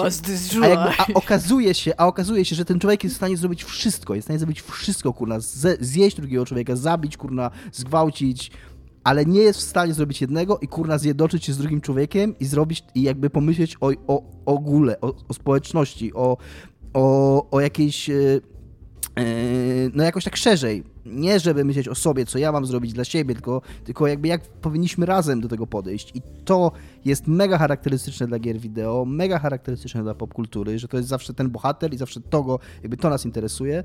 A, I to później się przenosi ku na, na tą rzeczywistość wokół nas i na to, co Iga mówi, że, że my ku na wychowani na tym wszystkim jesteśmy tylko ku na zainteresowani sobą i tylko zainteresowani tym, co ja powinienem zrobić, a najczęściej to jest nic, bo kurde, jestem zdrowy i silny i nic nie Tak, muszę jeszcze, jeszcze najgorsze jest to, że y, te te, te, postaci, o których tutaj jakby mówię, to są ludzie, którzy nawet jeżeli im się coś stanie, no to trudno. To jest, to jest takie podejście, nie? A no dobra, ale jeżeli zarazisz kogoś innego i teraz jest 458 argumentów, dla których to jest, to, to jest mało prawdopodobne, albo, że nawet jeżeli zarażę, to ta osoba ma statystycznie duże prawdopodobieństwo, żeby jednak nie umrzeć. I tam cały czas bardzo mnie denerwuje fakt nie umrzeć. To, jaka jest śmiertelność, nie jest tak ważna jak to, jakie są powikłania. A ile z tych ludzi widziało, ile z osób, które są wyleczone, miało jakieś gigantyczne powikłania, albo będzie je miało za kilka lat, pomimo tego, że po prostu nie jesteśmy w stanie tego zbadać jeszcze teraz, bo nie minęło to naście lat na przykład, nie? Tak. I to jest w ogóle takie strasznie krótkowzroczne, bo w sumie to ja mam ochotę iść, nie wiem, na siłownię yy, i, i w sumie to teraz mogę, bo rząd powiedział, że mogę, I przy okazji, i, to, i teraz zaczynają wchodzić te jeszcze większe argumentacje, bo to jest y, projekt jakiegoś małego przedsiębiorcy, który zbankrutuje, jeżeli ja nie przyjdę i nie zapłacę mu za to, żeby iść na tą siłownię. Jest 584 argumenty za tym, żeby, żeby robić te rzeczy, ale nie potrafi ta osoba wykrzesać z siebie jednego kontrargumentu, że może nie powinienem, bo mi się nudzi, ja jestem takim księciuniem, rozpuszczonym, taka ta osobowość rozpuszczonego dziecka, bo ja chcę. Dobrze, że mamy, dobrze że mamy tutaj w podcaście e, Tołdiego, e, dziennikarstwa growego, skoro pojawił się już Księciunio.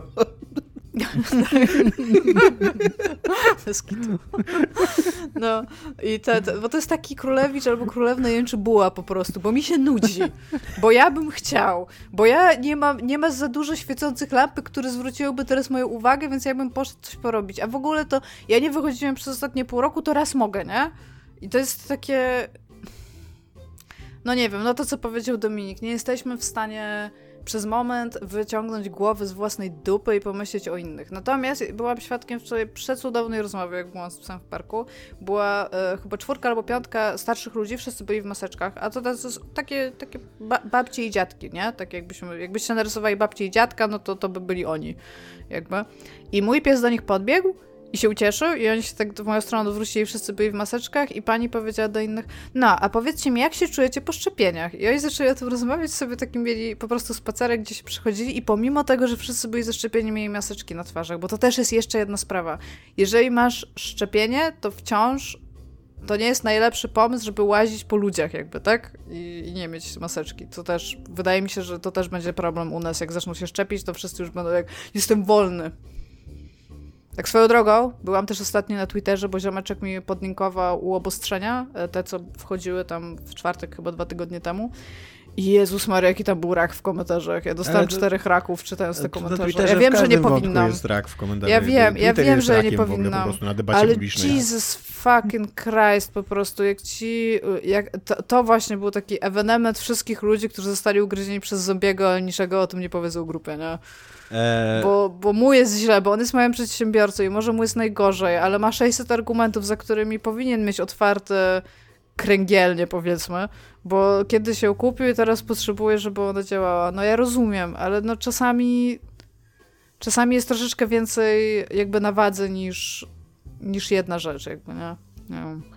Ja tutaj do tego, co, do tego, co Dominik powiedział, że popkultura nie nauczyła nas solidarności, to jeszcze bym chciał douczyć, do, dorzucić, że popkultura nie nauczyła nas bezczynności i że jakby absolutnie nie ma chyba żadnego, um, żadnej gry zwłaszcza, w której, która by oddawała taką, takie doświadczenie y, pozbawienia cię sprawczości i jakiego wpływu na wydarzenia, że po prostu jesteś świadkiem. This war of mine. Y, no, może trochę tak, masz rację.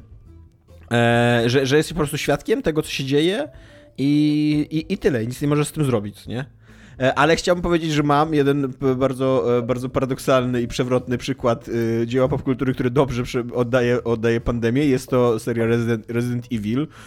E, zwłaszcza, zwłaszcza filmowa odnoga tej serii, bo ja to jest trochę moje guilty pleasure, że ja lubię, lubię nawet te filmy i tam... Ja też lubię. Nie... Jedynka była w ogóle mega dobrym tak, filmem. Tak, jedynka była mega dobrym filmem, ale nie, nie wiem, czy, czy znaczy no pewnie kojarzysz, skoro je lubisz. Od, trzeciego, od trzeciej części to się dzieje, staje się film tak, postapokaliptyczny, co nie? Tak. E, i, mhm. I już centralnie jakby trzy czwarte ludzkości wymarło i, i zawsze mi śmieszyło to, że trzy czwarte y, y, ludzkości umarło, ale te Evil Corpor, Umbrella Corporation cały czas istnieje jakby i cały czas y, mają jakiś taki evil plan, żeby zarabiać pieniądze, mimo że już nie ma ludzi, jakby, którzy...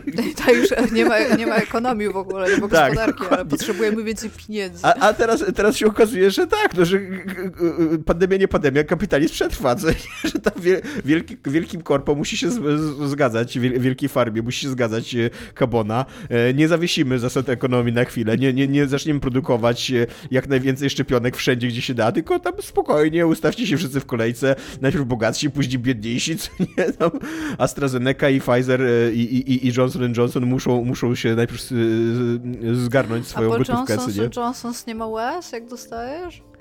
Nie wiem. Jest no more tears e, vaccine? Bo ja bardzo nie lubię zastrzyków i ja to bym może nawet taką chciała. Pomimo tego, że nigdy nie dostanę swojej.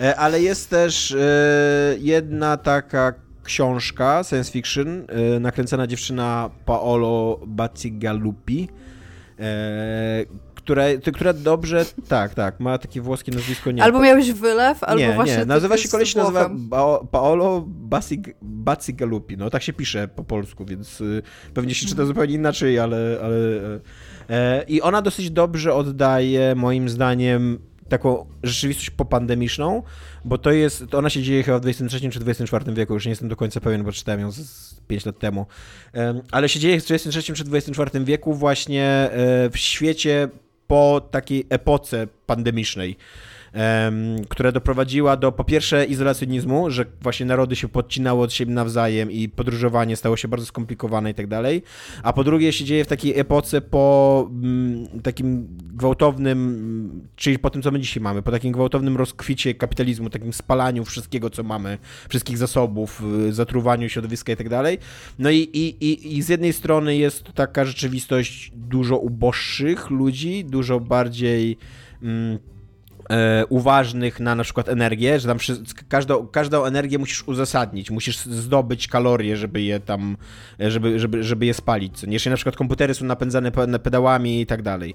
E, A do tego właśnie przez to, że mm, przez to, że, że, że te choroby cały czas są gdzieś tam na wolności i każdy kraj się izoluje, to, no to wszyscy są mega uważni i przekraczanie granic jest bardzo skomplikowane i też są cały czas jakieś takie firmy, które się tym zajmują i, i które są mega podejrzane e, i jest to w ogóle dobra książka, którą polecam wszystkim. I, i, i więc jest taka wizja, która moim zdaniem całkiem nieźle oddaje przynajmniej to, co się będzie działo po e, po zagładzie świata przez e, pandemię.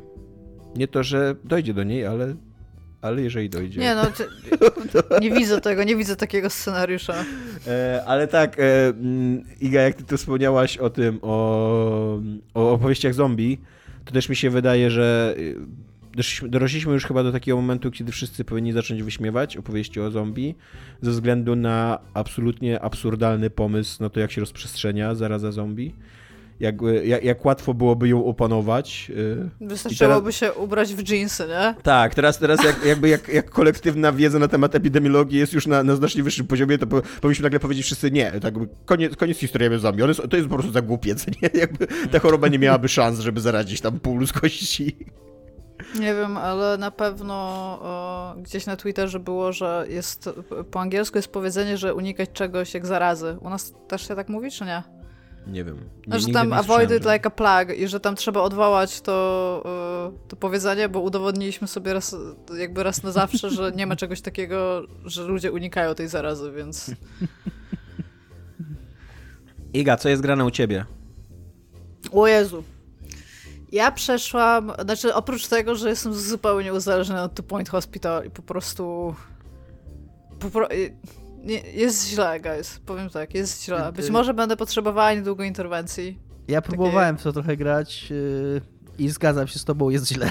Z tobą. No, jest, jest po prostu, je- jest masakra, wszystkie szpitale kończą na trzy gwiazdki, nie mogę przestać, dopóki tych trzech gwiazdek nie osiągnę, przez co na przykład resetuję po dwóch gwiazdkach szpital, bo widzę, że nie osiągnę jakiejś trzeciej tej.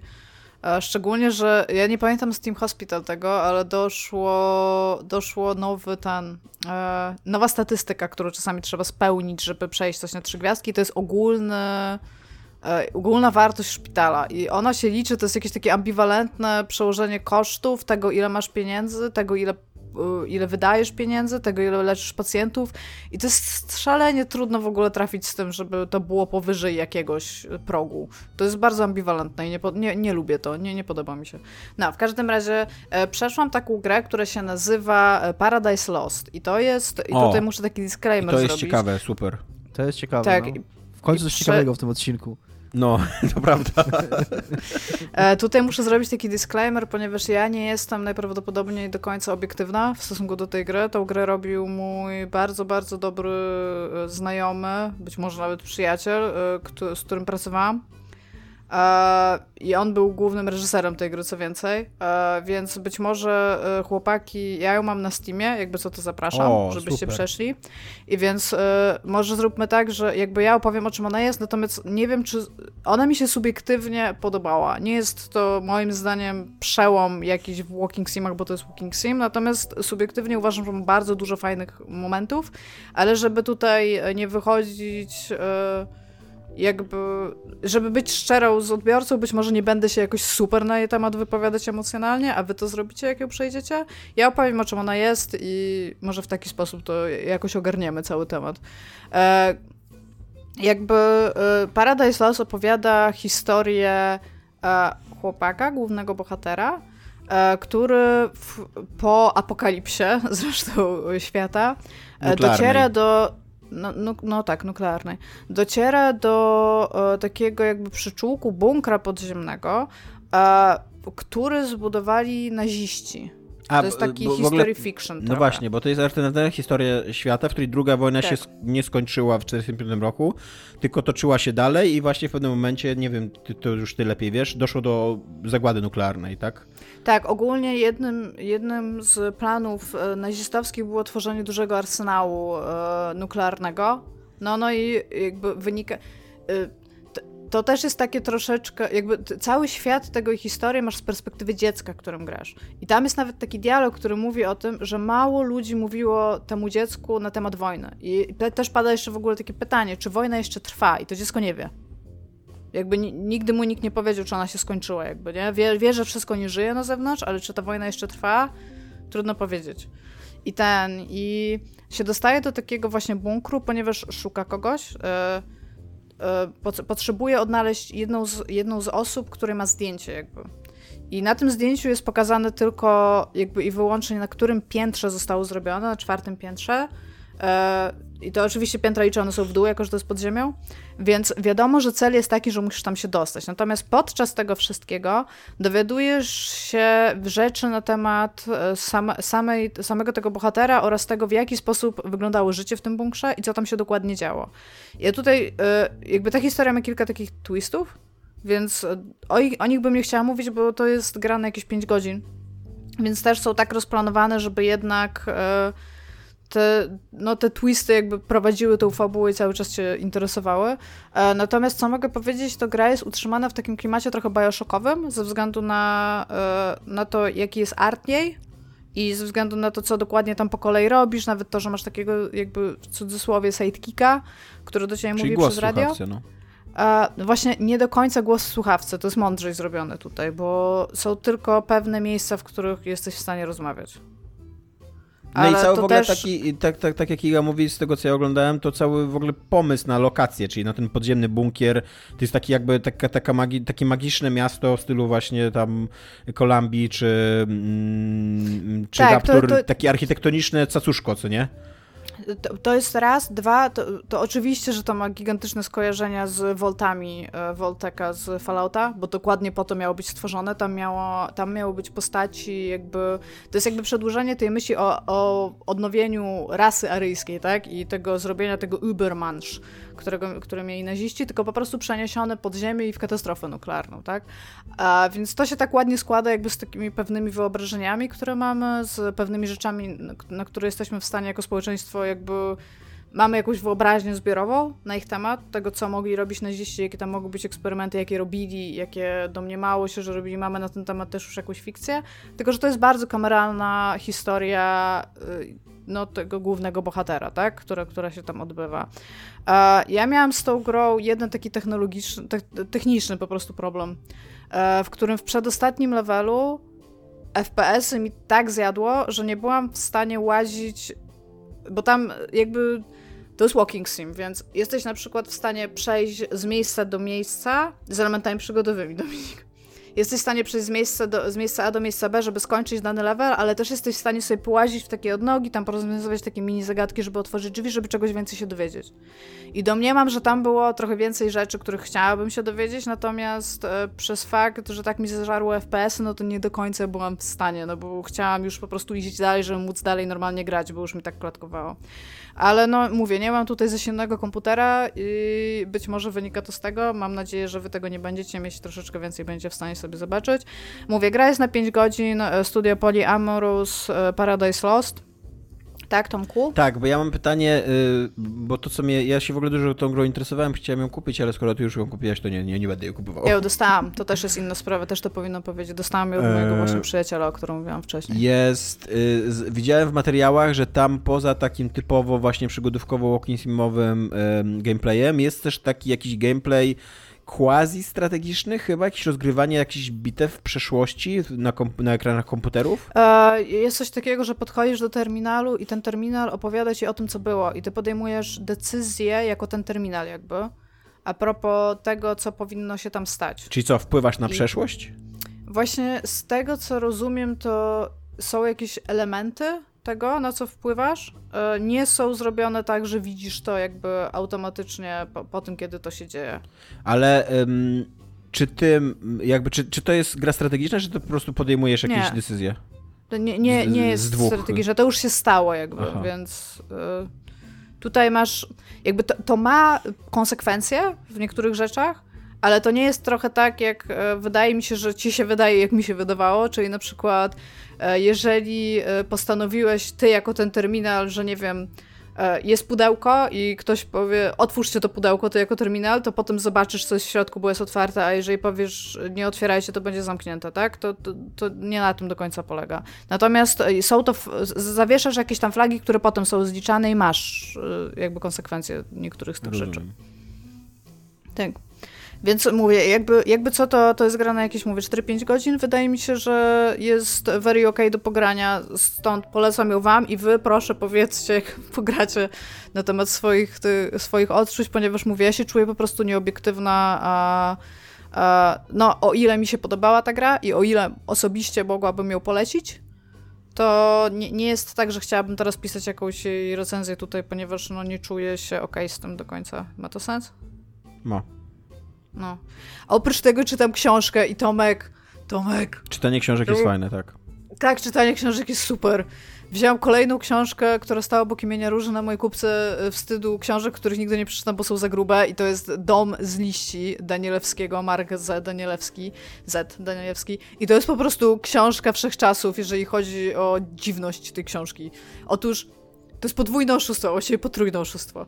Ta książka zaczyna się od wstępu napisanego przez e, głównego bohatera tej książki, jakby, który znajduje rękopis u osoby martwej, znaczy starszej osoby martwej, która nie żyje, i on ten rękopis bierze i postanawia go wydać. I to jest Czekaj, ona jest jednocześnie martwa i nie żyje? Jesteś pewna? Tak. Słuchaj mnie, bo zaraz się w tym zgubimy i nie będziemy w stanie do tego dotrzeć i będziemy ja mieć pytania. Ale już nie będę w stanie, a nie będę odpowiadać. Jest starsza osoba martwa, jest... która nie żyje, tak? To ustaliliśmy. Tak. I jest typ, który jest młody i przyszedł do niej, tyk, tyk, tyk, tyk, tyk i zabrał od niej rękopis, bo znalazł jej rękopis. I on skomentował ten rękopis i go wydał. I to jest ta książka, którą ty masz, jako, jako, jakby ta, jako ten wydanie.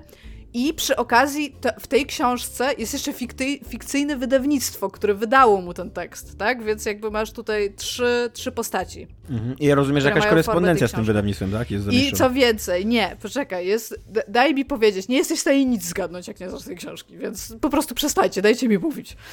I teraz tak, masz wstęp przez tego pierwszego gościa, po czym zaczyna się traktat naukowy, taka analiza filmu dokumentarnego, który się nazywa Świadectwo Davidsona, napisaną przez tego martwego typa, ale ten główny typ, który napisał wstęp, odkrył, że tego filmu nie ma. Ten film w świecie fikcji nie istnieje, który ten ziomek analizuje. Natomiast wow. jest to totalnie praca naukowa i masz tam przypisy do bardzo wielu źródeł, których ten typ też nie odnalazł, więc on również pisze swoje wynurzenia po kokainie i jakichś tam gigantycznych ilościach whisky, na temat niektórych przypisów, które trwają na przykład 7 stron, masz normalnie przypis tego drugiego typa na 7 stron, który odwołuje się do dwóch załączników dołączonych do tej książki, więc czytasz tą książkę i z przodu, i z tyłu, bo musisz jeszcze przeczytać niektóre rzeczy, które są z tyłu, plus do tego odnosi się wydawnictwo w przypisach. Co więcej, ta książka idealnie sobie zdaje sprawę, z czym jest, bo ta, ta, książka opowiada o domu. Jakby ten, ten traktat naukowy opowiada o filmie dokumentalnym nakręconym o domu, który się rozrastał. Jakby tworzył przestrzenie, które nie istniały, które jakby załamywały sens fizyczny.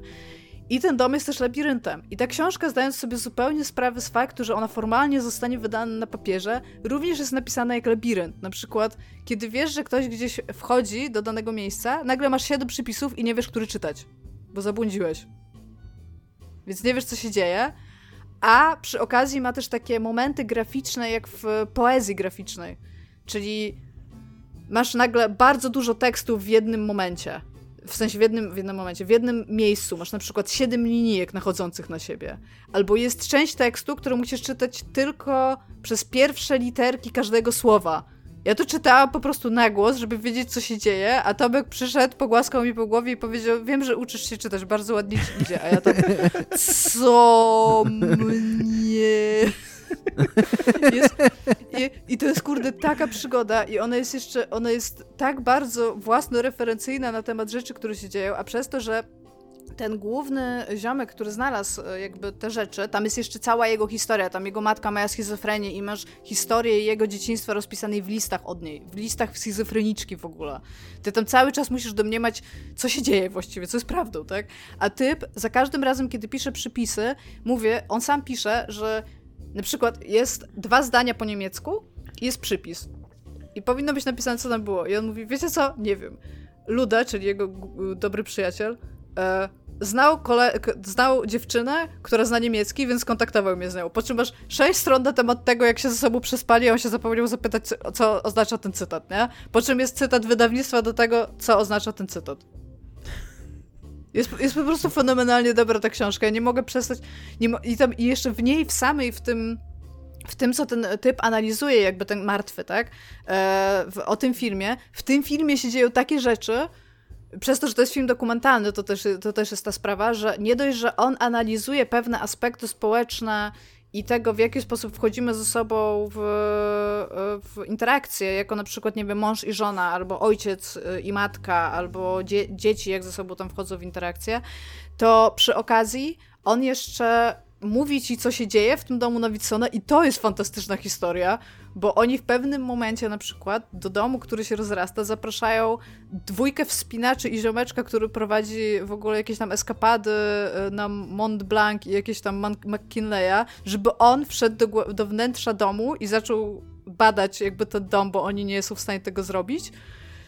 I wracał jakby do nich z odkryciami, i tam jest nawet powiedziane stricte, że oni na filmie, jakby tym, który, który nie istnieje, do którego nie, nie jest w stanie jakby w tej fikcji dotrzeć osoba, znaczy ten autor książki wstępu, nie jest, e, oni w tym filmie nie są w stanie uwierzyć w to, co oni robią, że oni zostali wezwani jako e, ludzie, którzy są odkrywcami tam światowej sławy, do faktu, żeby e, żeby no iść jakby, żeby zbadać dom, tak? Do nich zadzwoni, słuchajcie, czy możecie przyjechać do mnie i odwołać wszystkie swoje w tym momencie eskapady tam górskie, żeby przyjechać do mnie, zbadać dom i jak oni się z tego śmieją, tam na tym jest po prostu fenomenalnie wykonana ta książka. No, Cieszę się, Iga, chciałbym cię powitać w, tak, w, jako uczestnika polecanek literackich i cieszę się, że e, jakby zabrałaś samą siebie do, do, do, do tego kącika i, i znalazłaś najdziwniejszą możliwą książkę do polecenia. Kocham tę książkę. To, to jest e, autentycznie w tym momencie to jest moja ulubiona książka.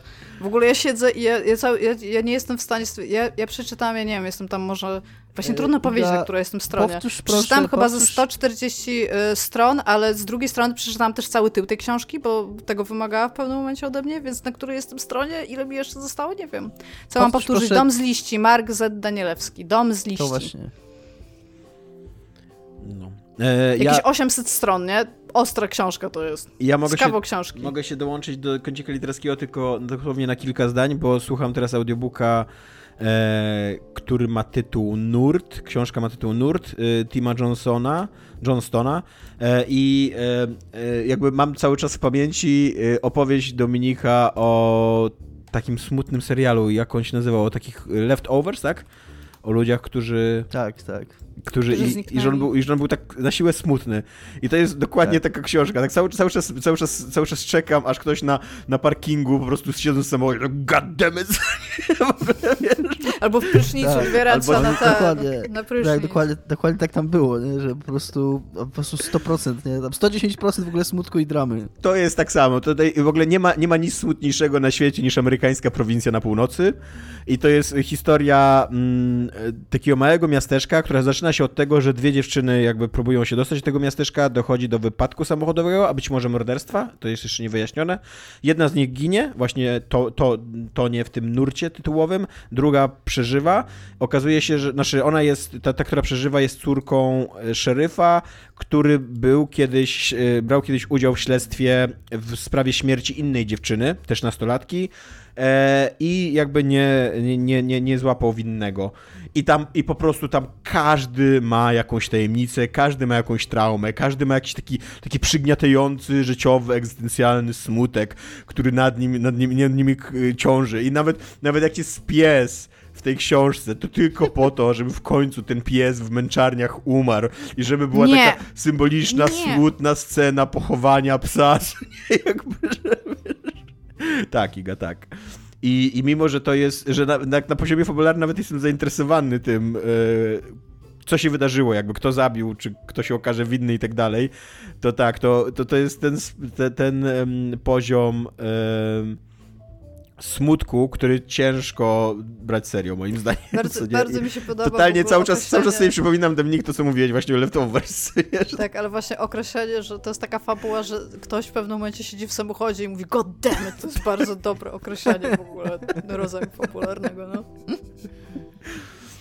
No. E, no dobra, to tyle mamy e, dla Was dzisiaj w odcinku.